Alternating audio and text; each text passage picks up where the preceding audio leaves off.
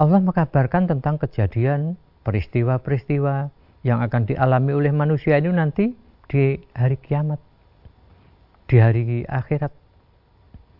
Karena memang hakikatnya manusia itu semuanya tidak terkecuali itu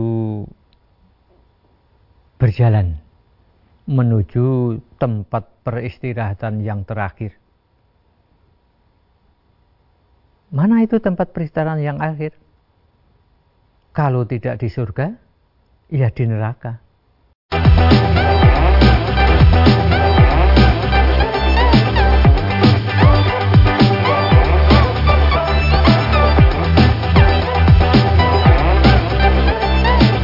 Bismillahirrahmanirrahim Assalamualaikum warahmatullahi wabarakatuh Saudara pemirsa channel terpilih Amjad TV Di mana pun Anda berada Puji syukur Alhamdulillah Senantiasa kita panjatkan kehadirat ilahi Rabbi Allah subhanahu wa ta'ala Atas kenap karunia nikmat Dan juga rahmatnya untuk kita semua Di perjumpaan awal aktivitas pagi hari ini.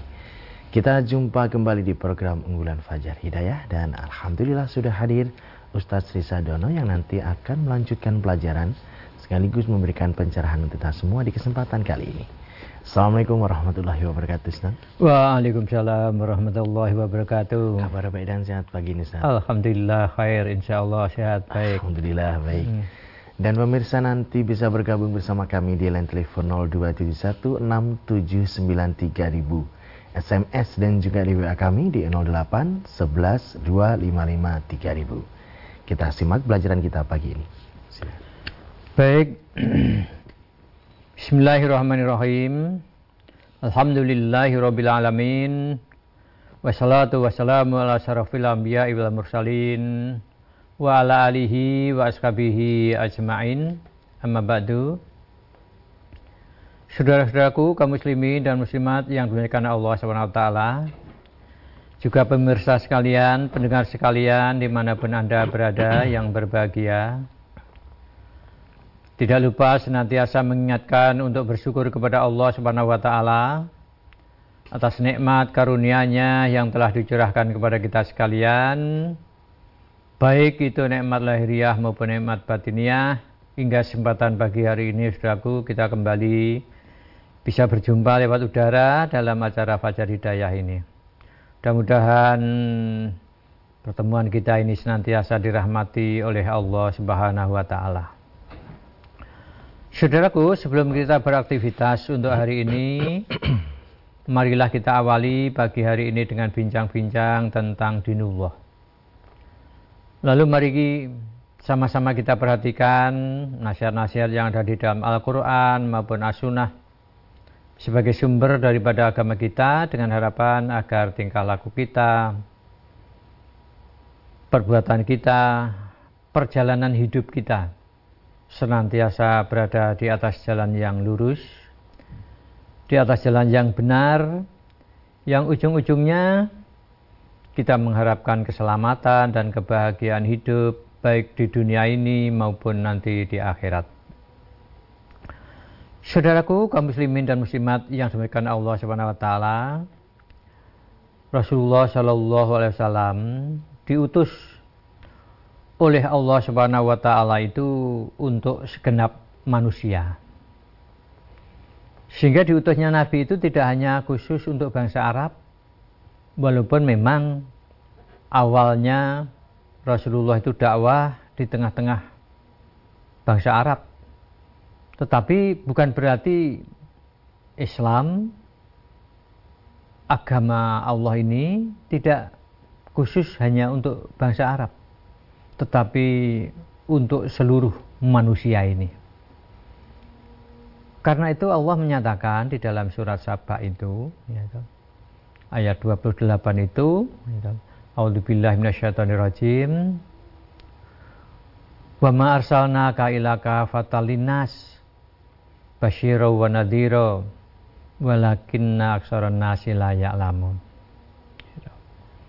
Dan tidaklah aku utus engkau hai Muhammad kecuali untuk seluruh seluruh umat manusia.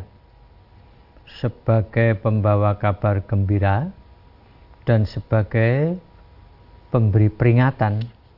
Tetapi kebanyakan manusia itu tidak mengetahui.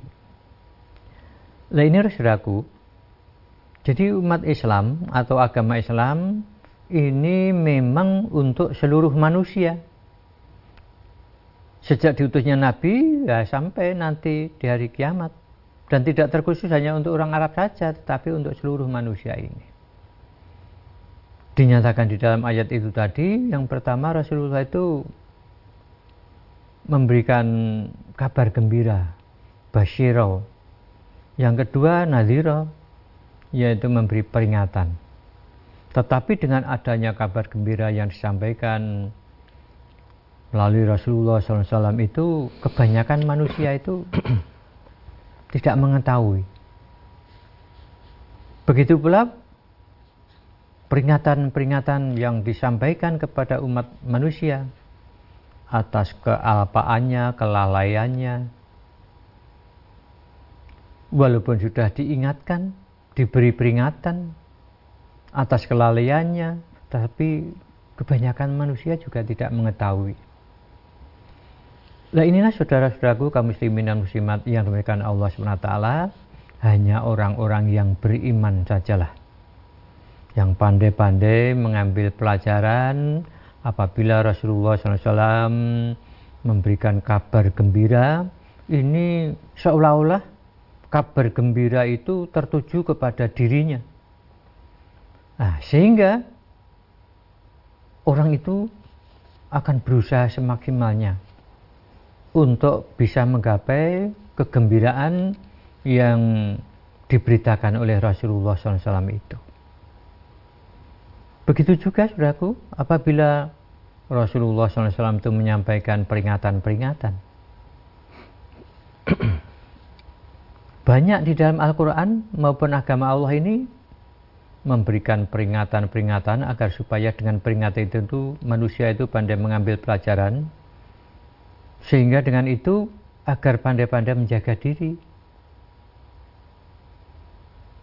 Agar jangan sampai terjerumus ke dalam kesengsaraan, penderitaan dunia maupun di akhirat. Nah ini hanya orang-orang yang beriman yang pandai mengambil pelajaran dari peringatan-peringatan Allah Subhanahu wa taala itu. Peringatan Allah Subhanahu wa taala itu Saudaraku baik yang dapat kita lihat di dalam alam kehidupan kita di dunia itu ataupun pengkabaran-pengkabaran yang akan terjadi nanti di alam akhirat itu.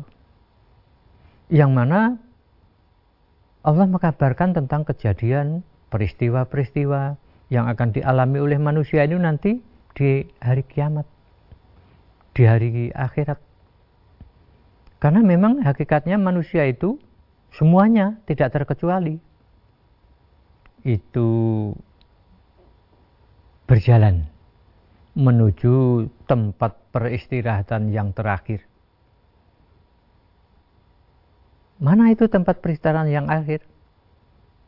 Kalau tidak di surga, ya di neraka. Maka oleh sebab itu Rasulullah SAW memberikan kabar gembira kepada siapa? Kepada orang-orang yang beriman, beramal soleh. Bagi mereka nanti akan mendapatkan surga yang penuh dengan kenikmatan-kenikmatan yang mengalir di bawahnya sungai-sungai.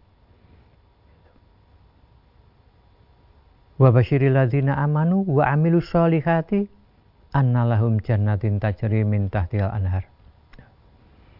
Ini merupakan satu kabar gembira agar supaya disampaikan kepada siapa? Terkhusus kepada orang-orang yang beriman dan beramal soleh bahwa mereka itu nanti akan mendapatkan surga yang di bawahnya mengalir sungai-sungai. Suatu tempat yang mana tempat merupakan kenikmatan yang abadi dan luar biasa yang kenikmatan-kenikmatan surgawi itu di dunia ini belum ada. Nah itulah merupakan kabar gembira bagi orang-orang yang beriman, ini sangat antusias untuk meraih, meraihnya. Untuk menggapai surga itu dengan semangat karena Allah dan Rasulnya yang meritakan itu. Tapi itu lagi. Walakinna walakinna nas layak lamun. Banyak di antara manusia itu yang tidak mengerti tentang kabar gembira yang sedemikian rupa itu. Lah sehingga akhirnya tidak hero mereka itu karena tidak ngerti kabar gembira yang diberikan kepada manusia. Asal dia beriman beramal soleh. Tidak ngerti. Lah akhirnya yang dimengerti itu hanya ya tentang kehidupan kita di dunia ini saja. Ya lamuna dohiro. Mereka itu hanya mengerti itu yang zohir-zohir ini saja, yang kelihatan-kelihatan ini saja. Sedangkan kehidupan nanti di akhirat mereka lalai. Nah, maka dengan itu saudara-saudaraku kaum muslimin dan muslimat yang demikian Allah SWT syukur kembali syukur kepada Allah SWT di mana Allah telah memberikan hidayah kepada kita sehingga dengan hidayah itu kita suka memperhatikan basyira wa nadira kabar gembira dan peringatan kabar gembira bagi orang yang beriman beramal soleh peringatan juga bagi orang yang beriman dan beramal amal soleh agar supaya terhindar dari peristiwa-peristiwa yang akan terjadi nanti di akhirat itu. Maka saudara-saudaraku walladzina kafaru wa kazzabu bi ayatina ulaika ashabun nar hum fiha khalidun. Ini peringatan kepada siapa peringatan kepada orang-orang yang tidak hirau dengan dinullah ini hidup ya dikira hidup di dunia ini saja sehingga dia dengan agama Allah yang senantiasa didengarnya itu tidak hero mereka. Nah, sehingga orang-orang ini termasuk mengkufurinya. Dan wakatabu bi ayatina dan orang-orang yang mendustakan ayat-ayatnya. Apa bedanya mengkufuri dan mendustakan ayat-ayatnya? Agak berbeda, saudaraku. Kalau orang itu mengkufurinya, itu total segala agama ini dikufurinya, diingkarinya, tidak diperdulikannya. Semuanya sehingga tidak mau lagi dengan dinullah ini. Ditolaknya walaupun telinganya mendengar tetapi ibaratnya masuk telinga kanan keluar telinga kiri. Nah, itu orang-orang yang mengkufurinya. Nah, kemudian saudaraku, apa yang dimaksud dengan mendustakan? Pada hakikatnya memang mendustakan itu ya tidak mempercayai kepada syariat agama itu. Namun tidak secara total, hanya sebagian. Jadi diimani sebagian, dikufurinya sebagian. Nah ini nama, namanya mendustakan ayat-ayatnya itu. Tidak didustai semuanya, tidak dikufuri semuanya, tapi masih ada bagian-bagian yang mau menerimanya. Namun begitu, keadaan orang yang mendustakan ayat-ayatnya ini, akibatnya itu nanti sama. Di akhirat sama. Ulaika ashabun nar. Mereka itu nanti baik yang mengkufuri secara keseluruhan, secara total, yang sudah betul-betul tidak mau, ataupun masih ada yang dimauinya, tapi juga ada sebagian yang lain dikufurinya. Nah, dua-duanya ini diancam, diingatkan Basyira wa yaitu diingatkan bahwa akibat daripada perbuatanmu yang semacam itu nanti kamu akan dimasukkan ke dalam neraka. Dan kamu nanti di neraka itu khalidina fiha yaitu kamu akan kekal untuk selama-lamanya. Lah inilah saudaraku diutusnya Nabi kita Muhammad wasallam ini untuk segenap manusia di mana pun kapan pun ya berada itu ini semua hakikatnya Nabi mengingatkan kepada mereka-mereka kepada kita semuanya itu dan sampai hari kiamat itu. Sampai hari kiamat, risalah ini hakikatnya adalah untuk memberi kabar gembira bagi orang-orang yang mau mengimaninya, lalu menindaklanjuti dengan amal-amal yang soleh, dan ancaman, peringatan bagi orang-orang yang mengkufurinya, mendustakannya, sehingga dengan ancaman-ancaman itu nanti di hadapan Allah di yaumil kiamat manusia itu sudah tidak bisa mengelak lagi karena memang hakikatnya basyira wa nadhira. Itu sudah disampaikan kepada mereka mereka sudah mendengar tapi karena memang manusia itu sendiri yang tidak mau mengimaninya itu nah itulah saudaraku mudah-mudahan kita pandai-pandai menjaga memelihara yang namanya nikmat iman, Islam, yang namanya hidayah. Nah, sehingga dengan itu kita mudah-mudahan termasuk tergolong hambanya yang suka memperhatikan ajaran-ajaran syariat agama kita itu. Begitu saudaraku apa yang dapat kami sampaikan. Ya. Gitu. Baiklah pemirsa, kami harapkan Anda bisa bergabung bersama kami di line telepon 02716793000 SMS dan juga di WA kami di 08 11 255 3000. Namun sebelumnya kita akan simak beberapa informasi dalam rangkaian jeda pariwara berikut ini. Baik saudaraku pemirsa channel terpilih MTA TV di mana pun Anda berada, terima kasih Anda masih setia bersama kami, khususnya di program unggulan Fajar Hidayah pagi ini. Kesempatan penanya pertama kami persiapkan di 02716793000 untuk bisa bergabung. Halo, Assalamualaikum. Halo, Assalamualaikum. Waalaikumsalam warahmatullahi wabarakatuh. Hmm. Dengan siapa di mana Bapak? Dari Palembang, Pak Hadi. Ya, silakan Pak Hadi. Assalamualaikum warahmatullahi wabarakatuh. Ustaz, Mas Tommy. Waalaikumsalam warahmatullahi wabarakatuh.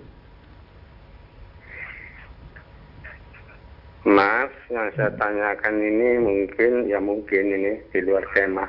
Mm -hmm. Saya tanya masalah hadis yang menjelaskan masalah hutan larangan. Hutan. Apa yang dimaksud dengan hutan larangan itu, Pak Ustaz? Hutan larangan yang, ya? Hutan larangan ya. Hutan. Oh. Yang kedua, gimana? Ya, hutan larangan. Hutan larangan. Ya, ya. Yang kedua, ladang-ladang petani atau kebun-kebun petani itu apa tidak termasuk hutan larangan, Pak Ustaz? Mohon pencerahannya. Terima kasih. Wassalamualaikum warahmatullahi wabarakatuh. Waalaikumsalam warahmatullahi wabarakatuh. Iya, mungkin yang dimaksud itu adalah hal-hal yang namanya subhat. Subhat itu entah halal entah haram, jadi subhat Gitu. Nah ibaratnya barang yang subhat itu ada penggembala yang dekat batas-batas tanaman kerajaan. Gitu. Kerajaan ada batas. Lah menggembala ternaknya itu di dekat batas itu. Gitu. Lah karena namanya binatang, tidak tahu aturan, sehingga mudah terjerumus masuk ke dalam larangan raja itu tadi. Gitu. Terjerumus lah ini mungkin yang dimaksud itu namanya batas larangan. Jadi artinya melampaui batas itu aturan-aturan agama yang sudah jelas, gitu. terang itu dilanggarnya, gitu, dilanggar. Yang sebetulnya itu perintah malah diabaikan, yang sebetulnya itu larangan malah dikerjakan. Lah ini sudah terbalik-balik yang semacam itu. Itu namanya melampaui batas, itu melanggar tanaman itu tadi gitu. Kemudian yang kedua mengenai apakah ladang-ladang petani itu tergolong hutan larangan? Ya, jadi petani-petani itu ya punya lahan sendiri-sendiri, sudah ada batas-batasnya. Gitu. Nah, batas-batasnya itu andai kata dilampaui ya termasuk melanggar larangan, melampaui batas. Kalau petani yang punya sawah, misalnya, itu andai kata dia karena keserakahannya, tamaknya, inginnya itu memiliki yang bukan miliknya, akhirnya batas atau patok itu istilahnya itu dipindah sehingga agar supaya tidak kelihatan kalau sebetulnya itu ada sebagian tanah itu karena patoknya tadi dipindah sehingga miliknya menjadi agak luas yang miliknya orang lain itu tadi terkurangi sedikit nah itu itu diancam oleh Allah Subhanahu wa taala yang demikian tuh nelar patok itu tidak boleh. Sudah harus tepat pada batas-batas itu. Kalau di sini ya ika apa-apa gitu. Itu ada batas-batasnya nanti. Nah, nanti kalau orang itu suka berbuat demikian itu nanti tanah yang diserobotnya itu tadi itu akan dikalungkan besok di hari kiamat itu. Begitu ya sehingga Memang ya batas-batas itu jadi larangan andai kata kita langgar. Apalagi kok kalau kita berusaha untuk sedikit demi sedikit agar supaya tidak kelihatan padahal kita menginginkan. Nah, caranya agar supaya tidak kelihatan itu tadi ikannya atau patoknya tadi sedikit dirubah itu dengan tujuan agar supaya itu tadi tidak kelihatan kalau sebetulnya sudah itu tanahnya terserobot sedikit itu. Ini dilarang yang demikian itu. Jadi itu termasuk larangan ya, tanaman-tanaman di sawah, di ladang itu kadang banyak yang demikian itu karena mungkin ya itu serakah atau tamak inginnya tanahnya orang lain itu juga dimiliki tapi dengan tidak cara yang baik, tidak yang cara yang benar itu gitu. Ya.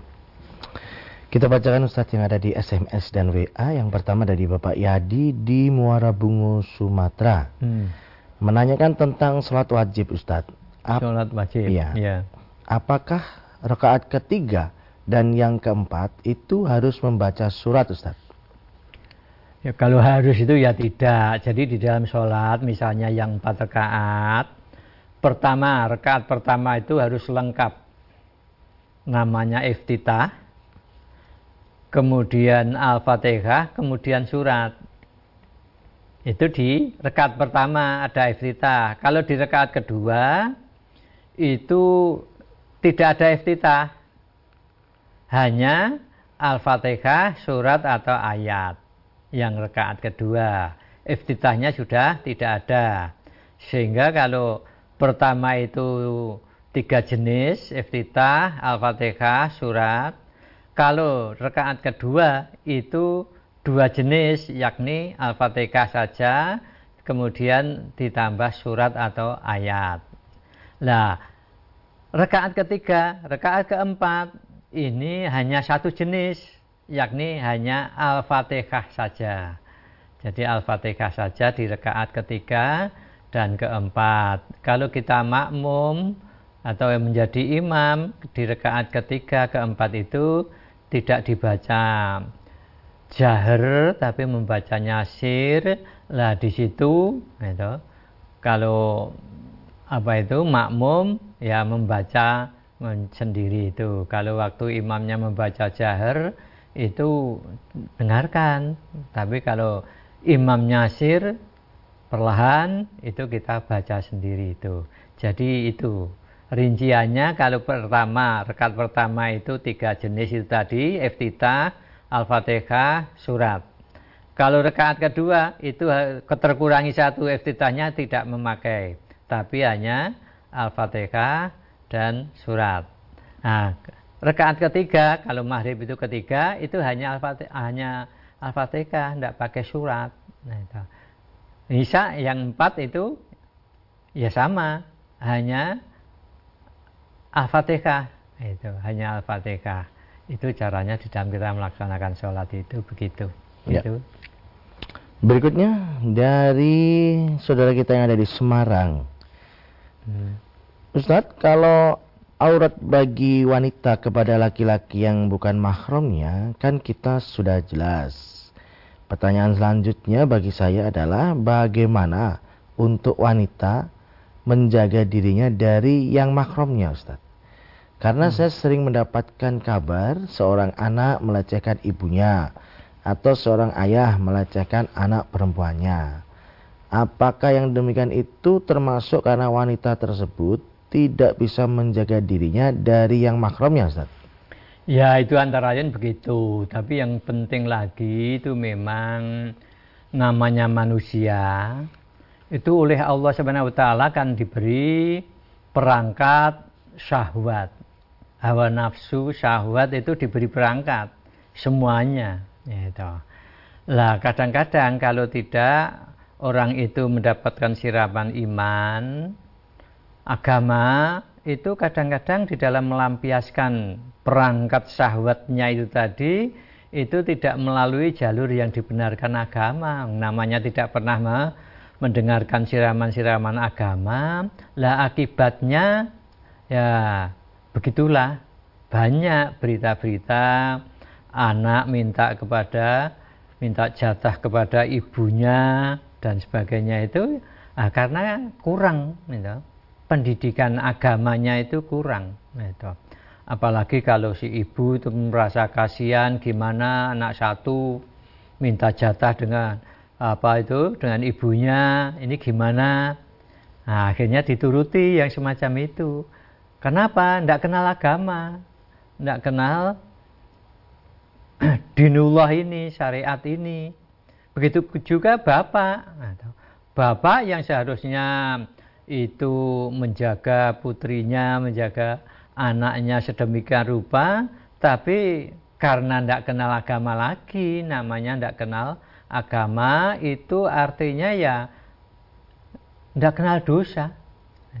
Tidak kenal dosa. Nah, ibaratnya justru seperti pagar makan tanaman itu. Nah ini maka yang penting sekali itu ya sejak dini itu sebagai orang tua ya harus mengerti namanya bapak kepala keluarga itu kan Allah mengatakan ku angfusakum wa ahlikum naro. Gitu. jagalah dirimu dan keluargamu. Nah, keluarga di sini itu ya terdiri dari anak dan istri. Itu keluargamu dari apa dari api neraka itu ini tugas bapak kita itu tapi kalau bapaknya itu tidak ngerti agama gimana akan menjaga keluarganya dari api neraka gimana lah ini pentingnya kita terus bersanding dengan Quran Sunnah terus kita itu mencari pengertian-pengertian tentang agama. Gitu. Tanpa agama memang ya begitulah. Gitu. Manusia karena memang manusia itu ada perangkat itu tadi.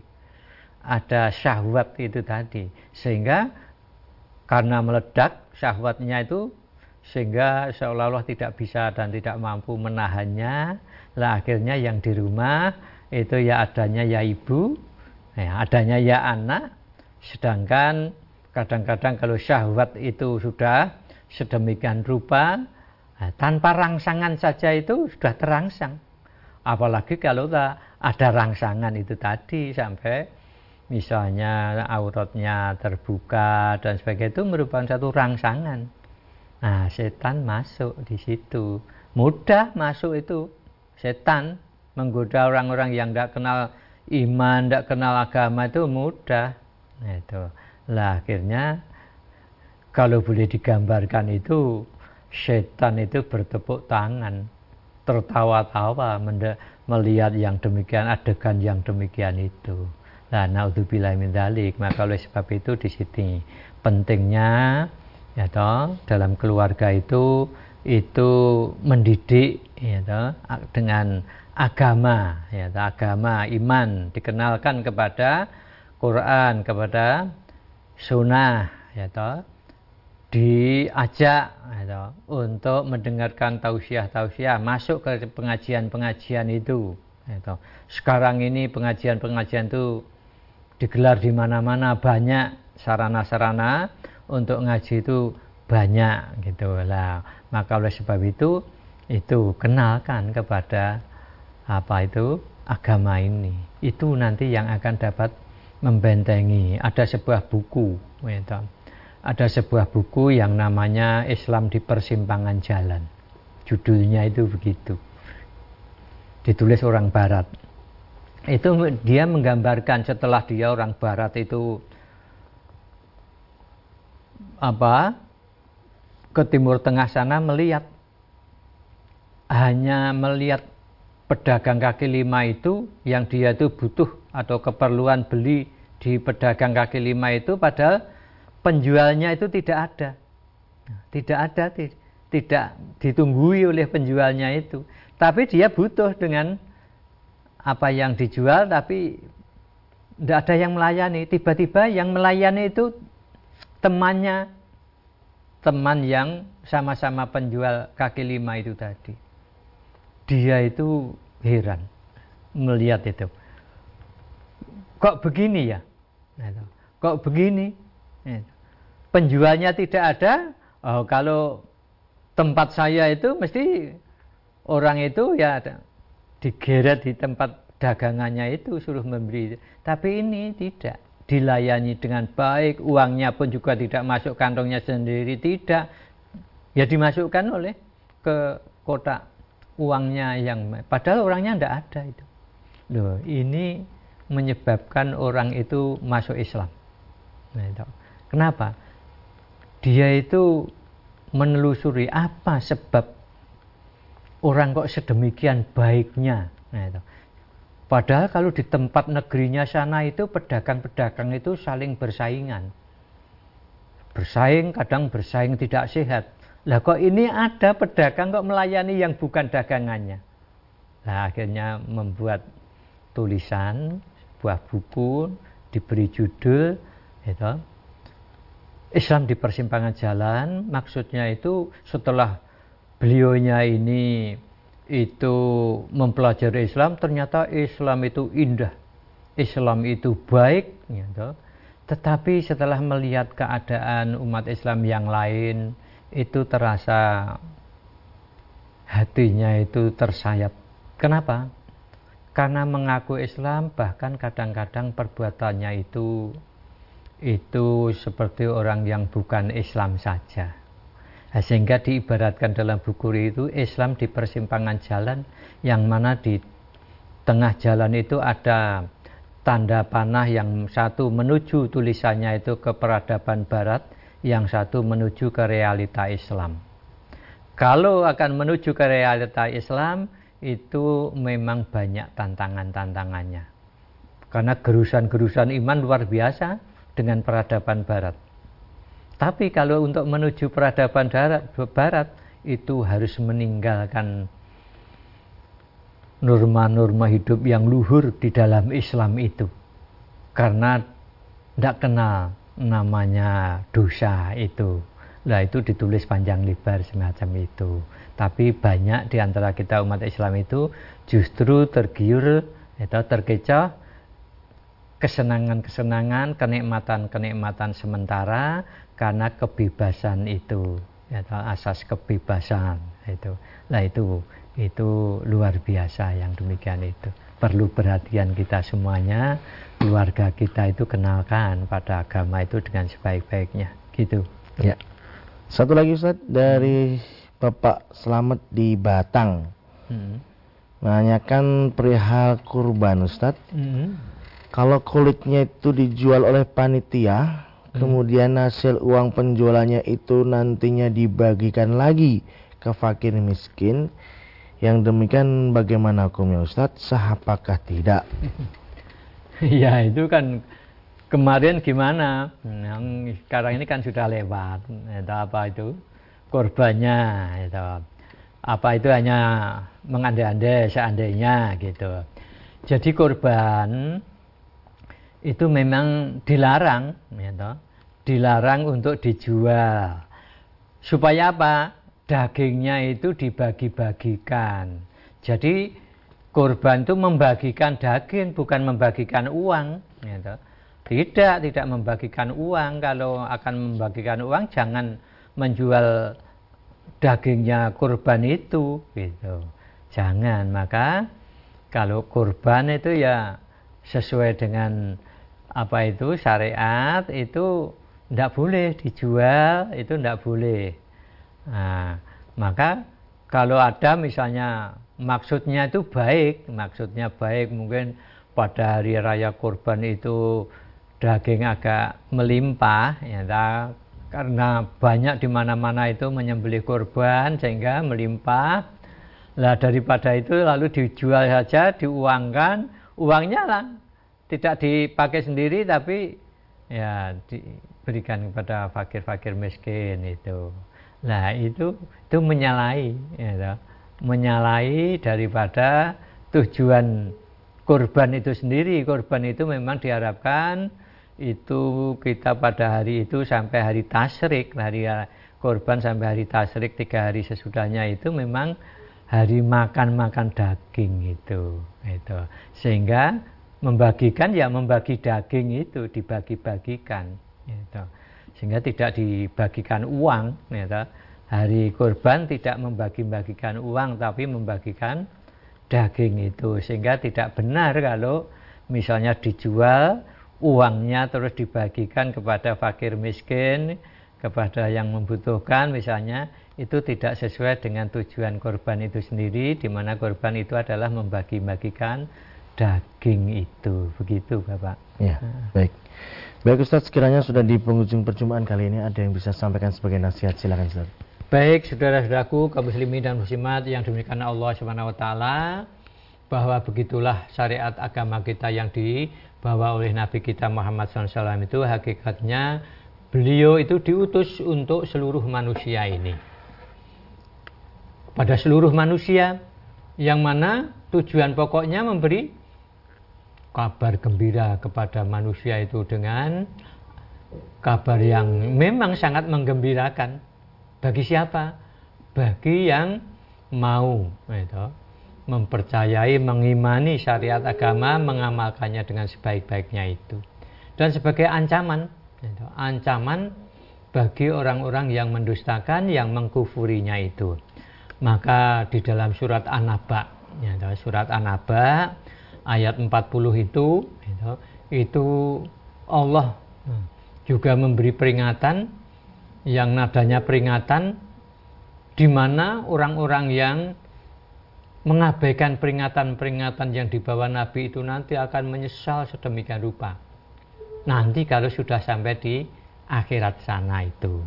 Dalam ayat itu dikatakan mafhumnya ya, sesungguhnya kami telah memperingatkan kepada kepadamu hai orang-orang kafir gitu. siksa yang dekat pada hari manusia melihat apa yang telah diperbuat oleh kedua tangannya dan orang-orang kafir itu berkata alangkah baiknya sekiranya aku dahulu adalah tanah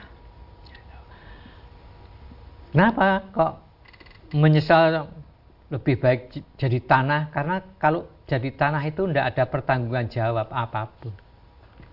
Nah, sedangkan orang kafir itu setelah sampai di akhirat sana bagaimanapun juga dia harus mempertanggungjawabkan atas segala perbuatannya itu sehingga apabila mengabaikan mendustakan peringatan-peringatan Allah yang sudah berkali-kali diingatkan kita manusia tetapi tetap dia itu tidak mau iman. Lah itu nanti menyesal yang sudah tidak ada gunanya nanti. Akhirnya apa yang dihadapi? Dia akan menghadapi satu penderitaan yang tidak kunjung padam. Lah inilah Saudaraku, mudah-mudahan ini juga jadi peringatan bagi kita. Untuk itu, mari kita tingkatkan gitu, iman Islam kita dan kita amalkan dalam kehidupan kita sehari-hari agama Allah ini. Mudah-mudahan dengan itu kita nanti tidak akan menyesal di kemudian hari yang penyesalannya itu sudah tidak ada gunanya lagi. Itulah yang dapat kami sampaikan. Mudah-mudahan manfaat bincang-bincang kita pagi hari ini. Gitu. Ya. Kami sampaikan terima kasih atas pelajaran yang set. Assalamualaikum warahmatullahi wabarakatuh. Waalaikumsalam warahmatullahi wabarakatuh. Baik saudaraku pemirsa channel terpilih MTA TV di mana pun Anda berada Demikian tadi telah kita simak dan ikuti bersama program unggulan Fajar Hidayah pagi ini. Kita jumpa kembali di kesempatan mendatang dan saya Tommy Al-Fatani pamit undur. Alhamdulillahirrahmanirrahim Subhanakallahumma wa bihamdika Asyadu ala ilaha illa anta astaghfirullah wa Assalamualaikum warahmatullahi wabarakatuh